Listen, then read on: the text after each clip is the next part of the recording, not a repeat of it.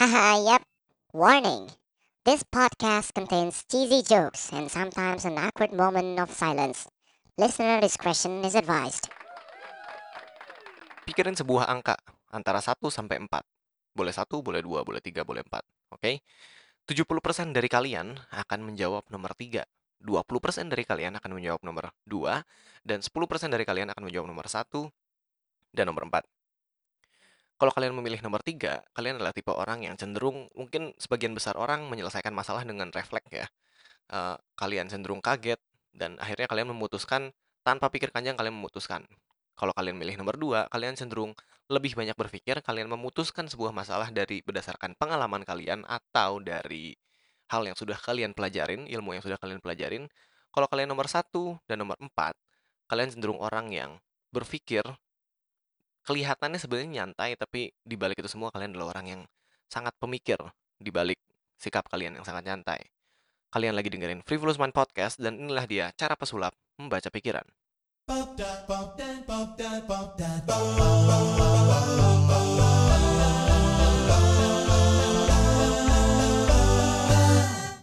Asik ya, di awal episode udah ada baca-baca kepribadian.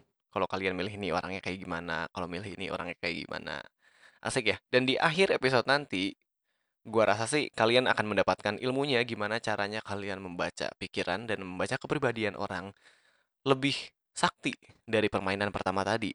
Dan sebenarnya permainan pertama itu nggak harus tentang membaca pikiran. Gue sering banget memainkan permainan itu di saat gue main sulap di panggung ataupun lagi close close up atau face to face lagi nongkrong gue iseng-iseng baca pikiran gue sering banget mainan permainan yang tadi dan nggak usah harus baca kepribadian sebenarnya.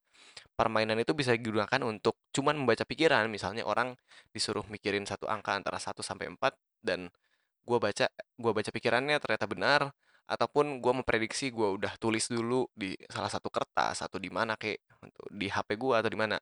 Dan akhirnya setelah mereka sebut satu angka gue sudah tahu mereka akan memilih seperti itu.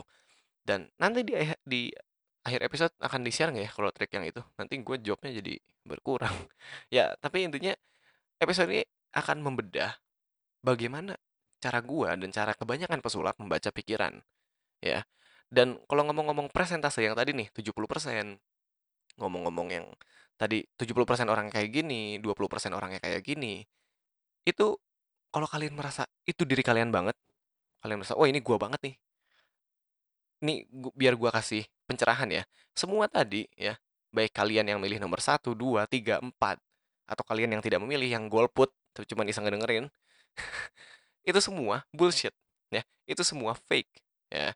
Gua itu baru banget buat tadi sebelum bikin episode ini ya orang ini kayak gimana orang ini kayak gimana. Gua baru buat banget tadi.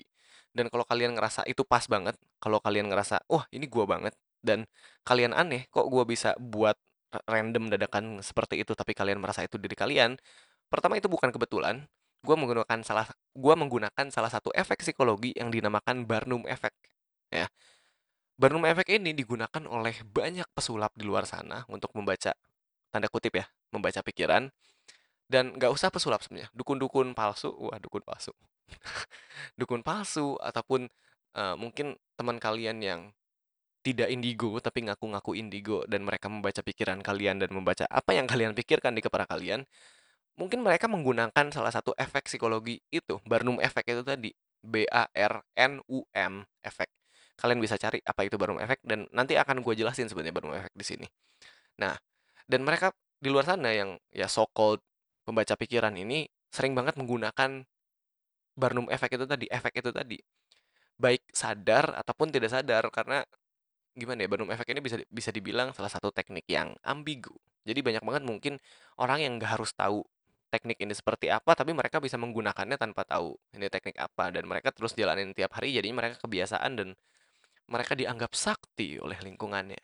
Tapi sebelum bahas ke situ, ini ya, ini gue akan kasih ramalan bintang buat teman-teman semua yang sering buka-buka account horoskop ya, sering liatin timeline cari bintang kalian, apa yang harus kalian lakukan di bulan ini, di minggu ini, atau kalian itu orang seperti apa, gak usah jauh-jauh, karena di episode ini gue akan uh, memberikan kalian ramalan bintang dan seumur hidup. Jadi kalian nggak usah scroll-scroll dan cari-cari ramalan bintang di luar sana karena karena ramalan bintang yang gua kasih di sini adalah ramalan bintang untuk selama-lamanya kalian. Ini seumur hidup nih ramalan bintangnya berlaku nih ya, oke?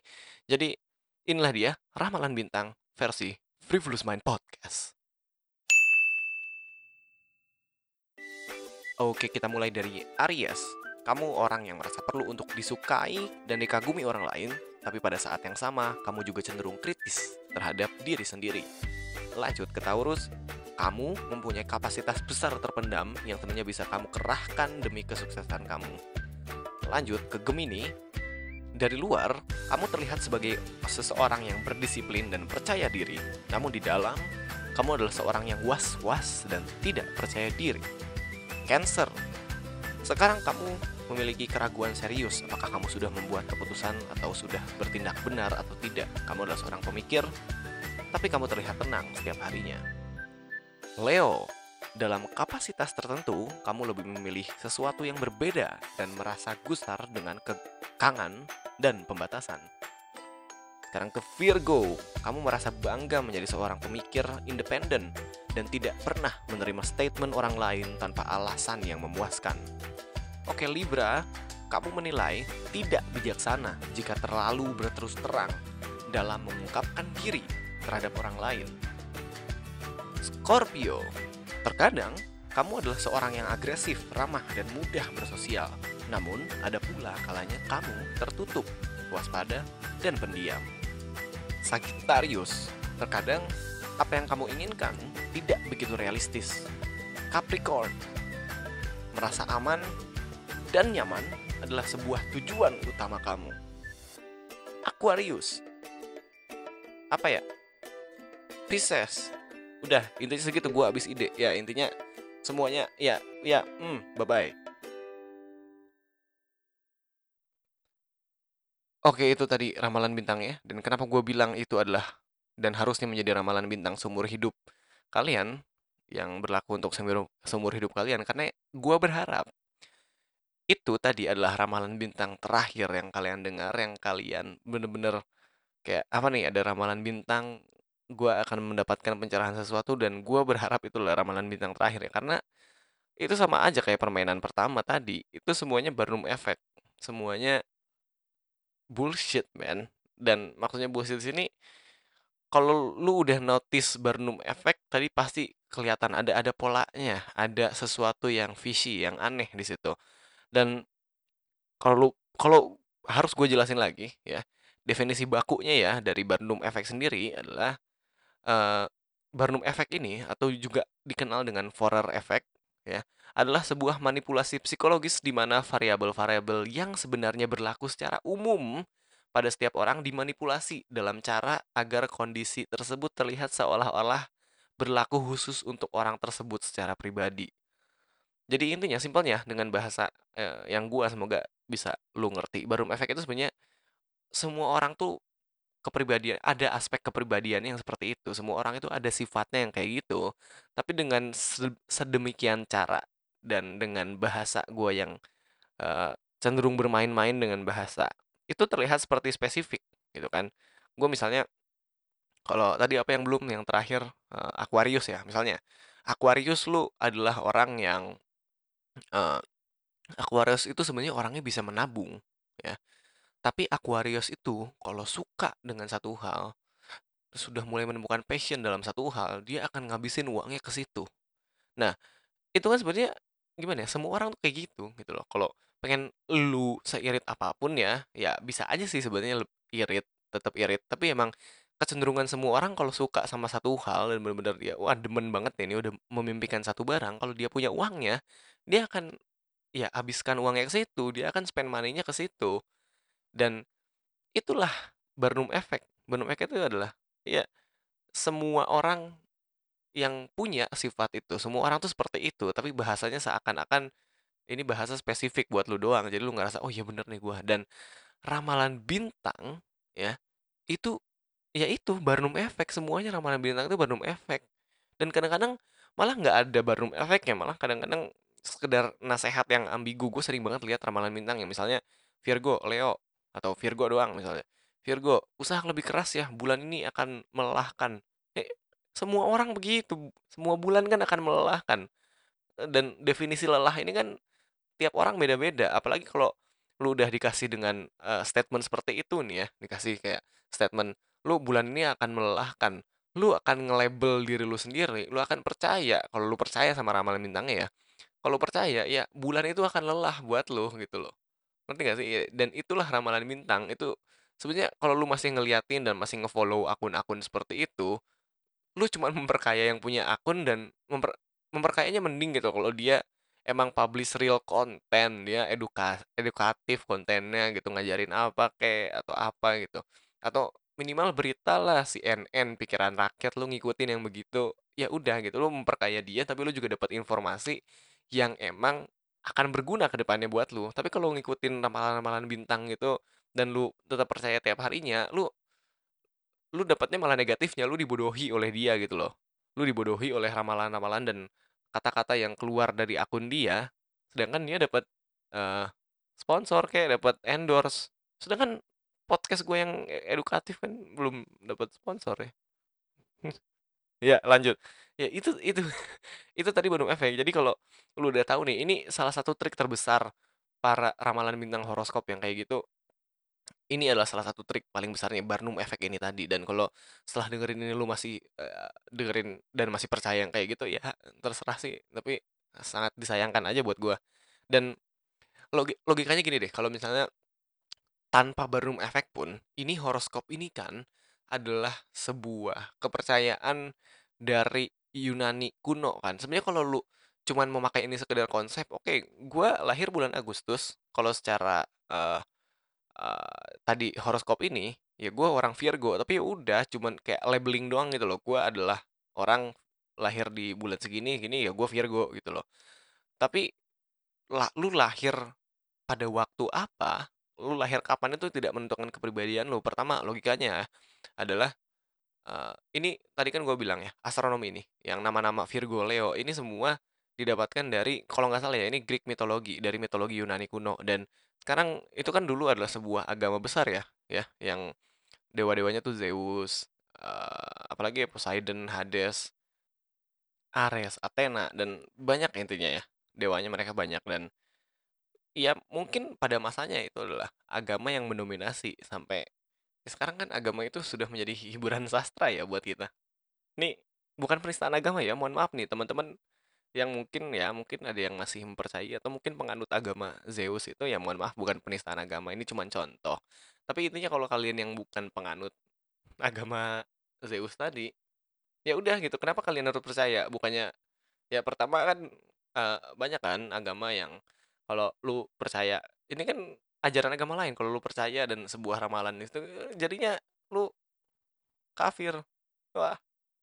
Ya, jangan ngarah ke sana ya jangan ngarah ke agamanya tapi intinya itu lu mempercayai suatu pseudoscience jadinya ya.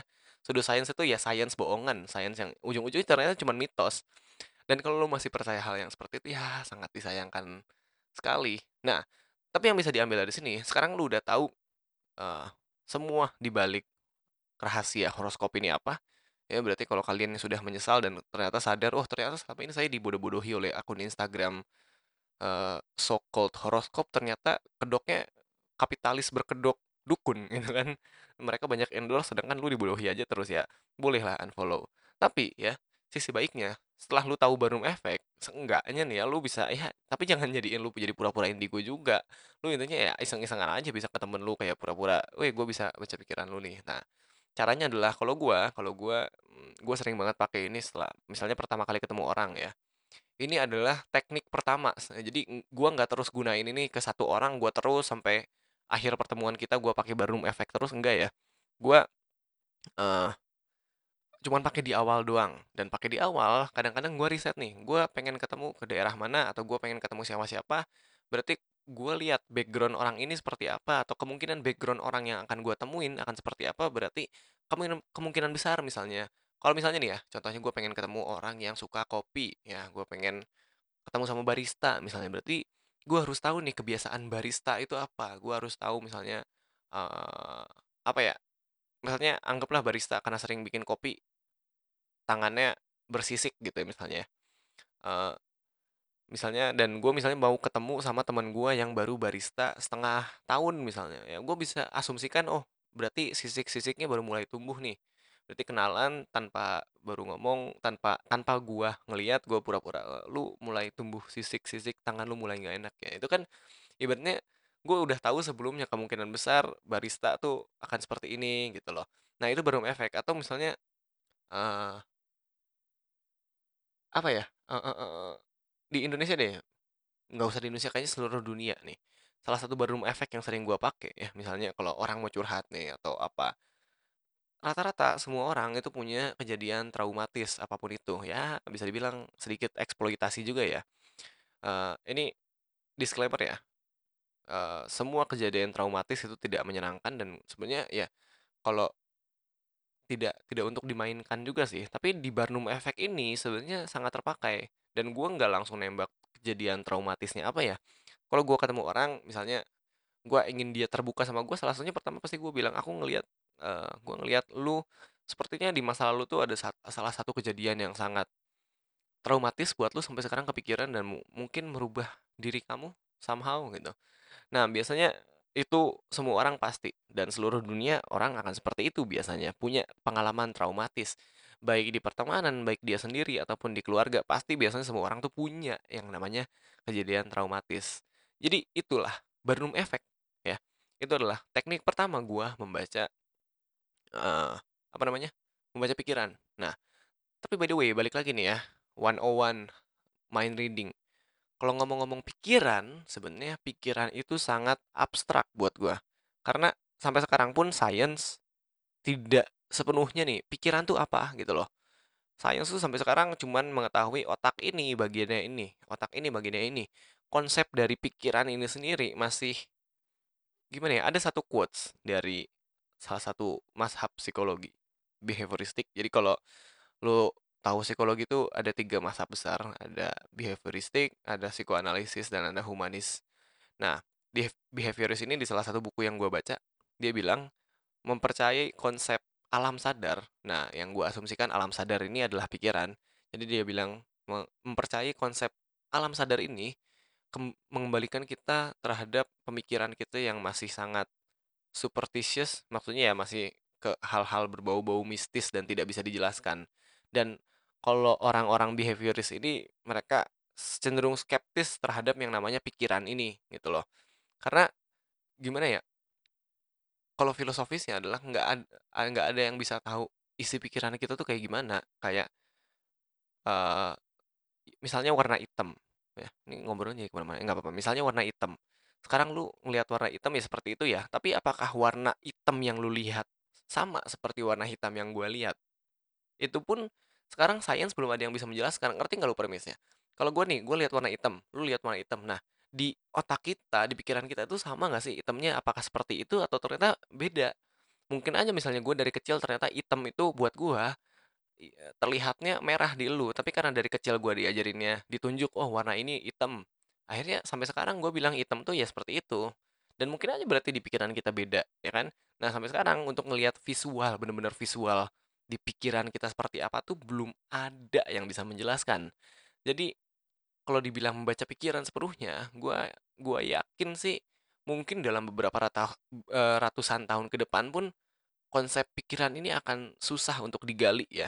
Yang sampai sekarang digali balik lagi adalah fungsi-fungsi otaknya dan pola perilaku manusia itu memang bisa dibaca. Nah, yang gua ingin tekankan di sini, gua lebih mengajarkan bagaimana lu bisa lebih aware ke pola tingkah laku manusia, bukan ke pikiran itu sendiri. Since pikiran itu adalah sesuatu yang masih metafisik sampai sekarang. Nah, balik lagi tadi dari Barnum Effect ya. Nah, itu adalah Barnum Effect. Gua sering pakai itu kalau lagi chat atau pertama kali ketemu orang. Terus setelah dari situ, gua baca ada namanya cold reading. C O L D reading. Ini nggak tahu scientific atau enggak ya si cold reading ini. Tapi kalau di dunia persulapan dan para dunia tarot reader, cold reading ini sering disebut-sebut ya.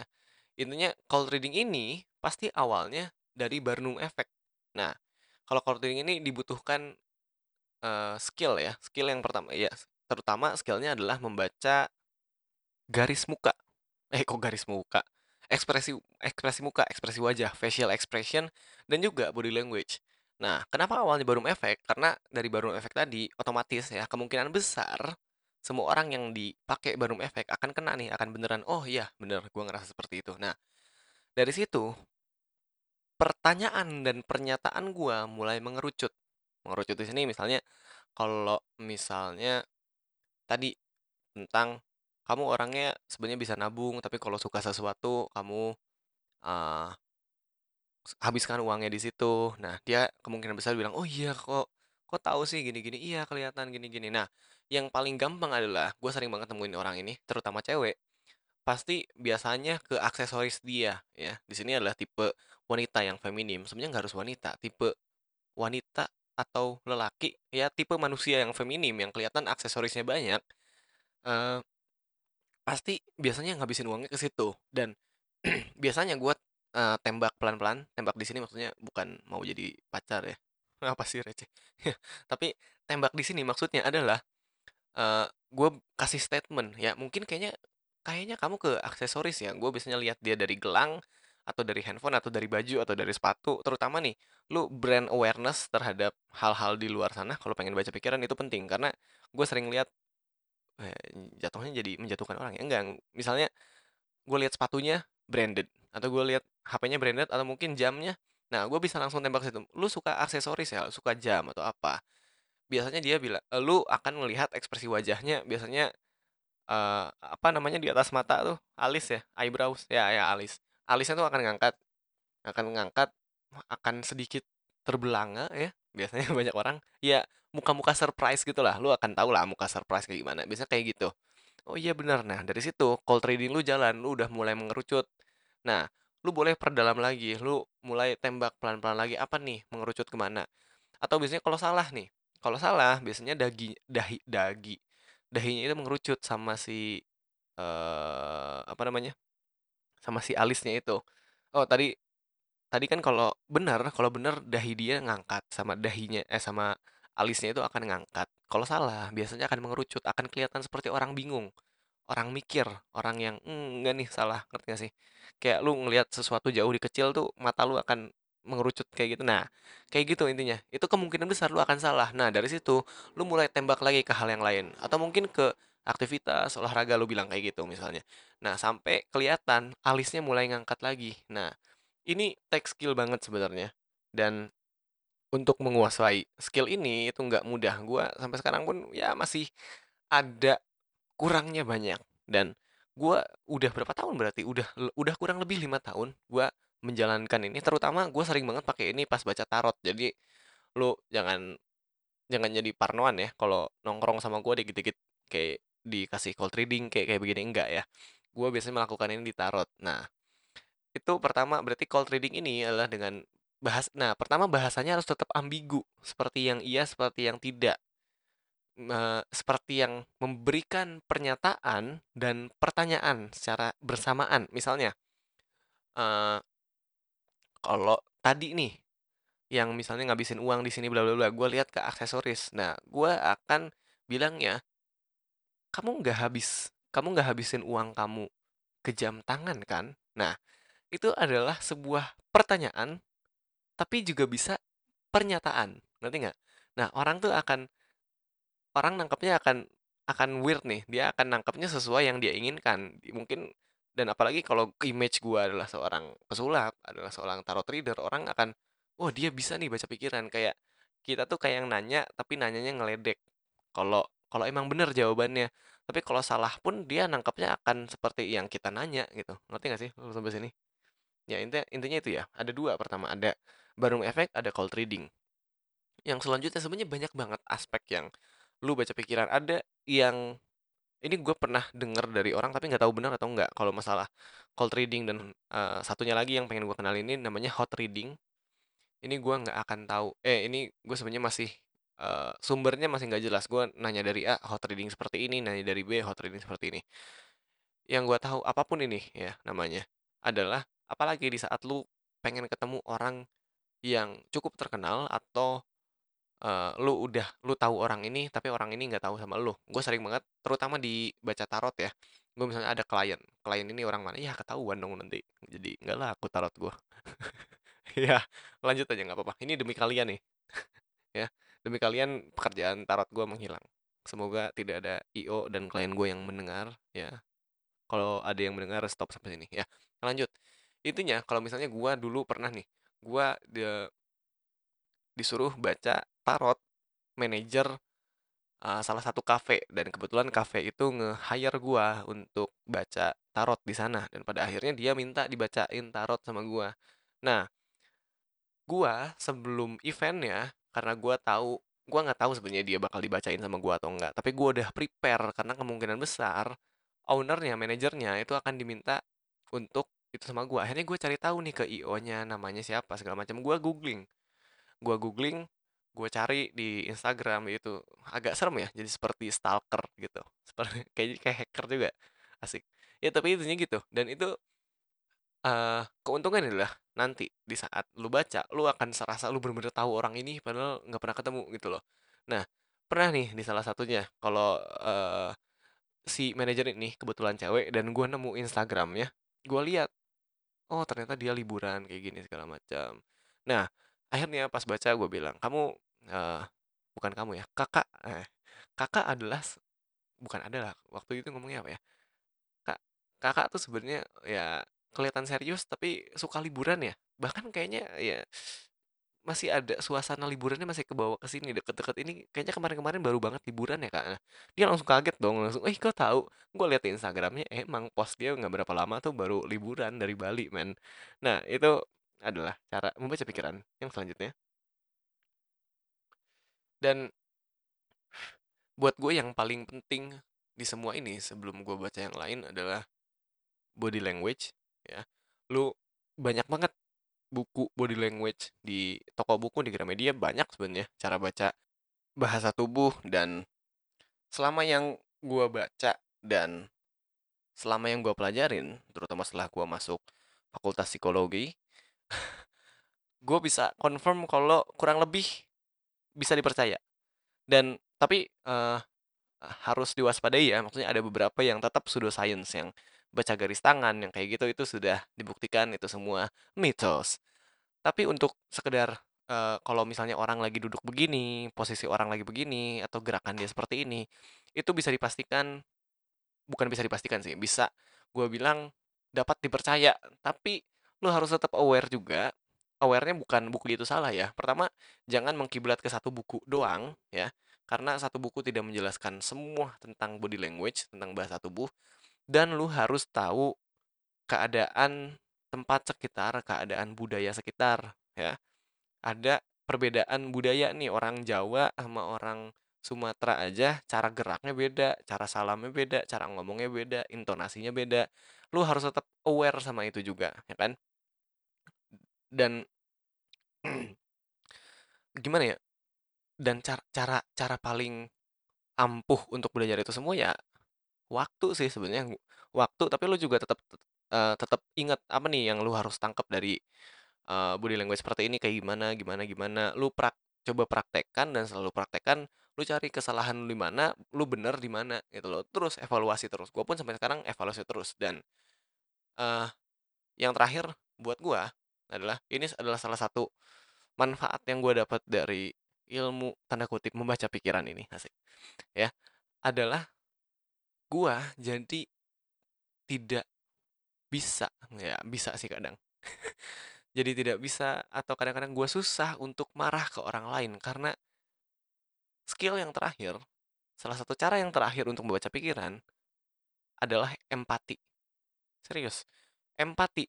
Empati di sini lu memposisikan diri lu sebagai orang itu. Dan buat gua sampai sekarang itu sangat itu bekerja sangat baik.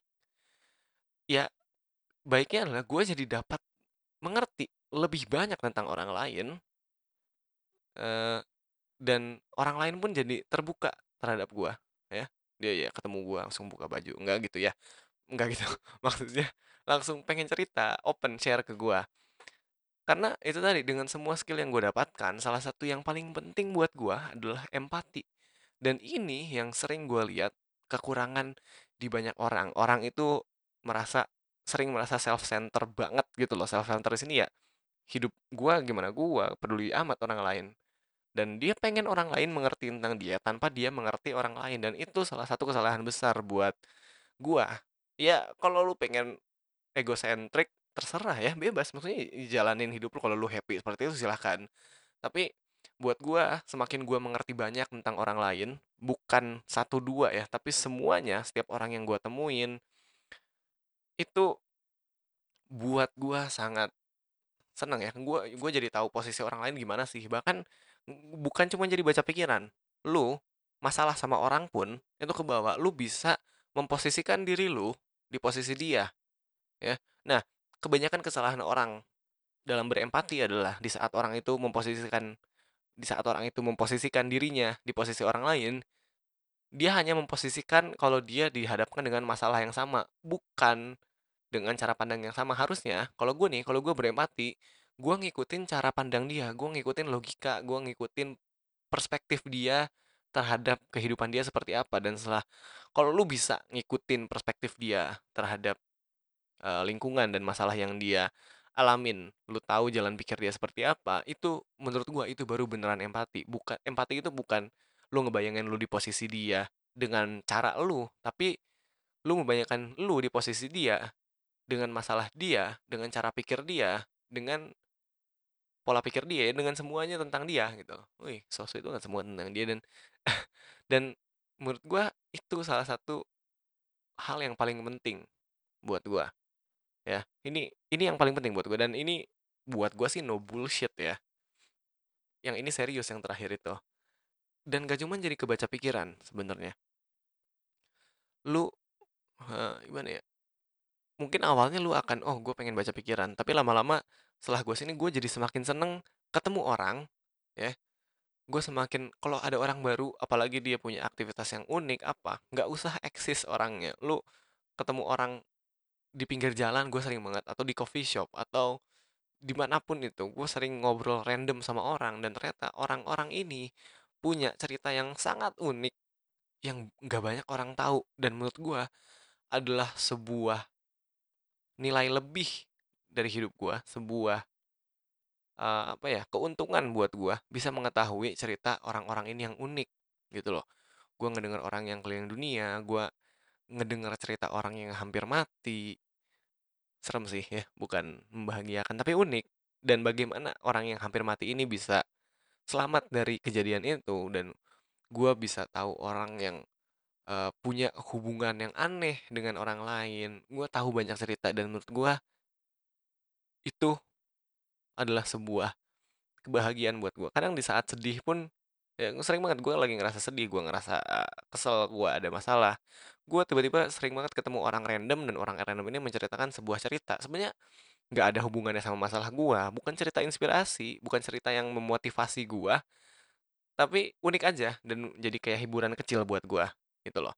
Dan dari situ setelah lu gabungin semua ya biar gue recap ya ada tadi Barnum Effect ada tadi cold reading lu baca uh, body language dan facial expression seseorang yang terakhir adalah empati. Di saat lu bisa menggabungkan semuanya